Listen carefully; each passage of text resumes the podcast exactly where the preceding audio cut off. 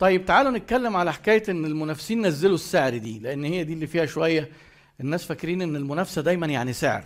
هنا إحنا عايزين نبص كده إيه إزاي ناخد قرار لو المنافسين بتوعنا نزلوا السعر؟ دايما هنسأل نفسنا سؤال. لو انتهينا إن المربع اللي فوق على اليمين ده معناه ما نعملش حاجة ونراقب السوق.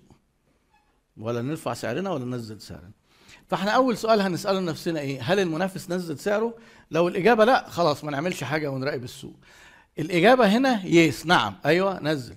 نسأل نفسنا سؤال تاني. هل نزول السعر أثر سلبيا على شغلنا؟ ممكن ما يأثرش. هو نزل سعره بس إحنا شغالين زي ما إحنا. كويس. لو الإجابة لأ خلاص مش هنعمل حاجة. طيب. هنسأل نفسنا لو الإجابة أيوة نعم هيأثر علينا. نسأل نفسنا سؤال ثالث هل عندنا إمكانية نعمل حاجة أو معانا صلاحية نعمل حاجة؟ أحيانا في شركات بتبقى فروعها في مصر مثلا بتاع التسعير ما عندوش صلاحية ما عندوش إمكانية. الشركة بتحافظ على مثلا لها تسعير دولي آه، مش مهم قوي سوق مصر مثلا مش عايزين نتحرك فيه.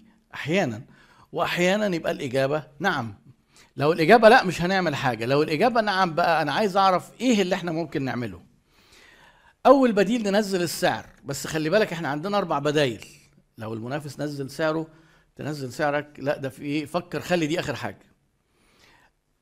قبلها في إيه؟ إن أنا أركز في ال promotion في الترويج بتاعي على إن أنا إيه؟ أرفع ال perceived quality يعني أقول أنا سعري أعلى ليه؟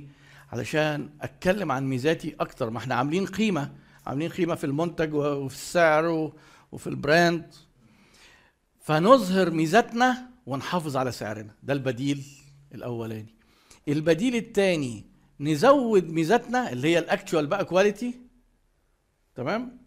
ونرفع سعرنا. يعني يبقى المنافس نزل سعره فتقوم أنت محسن حاجة في الجودة ورافع سعرك.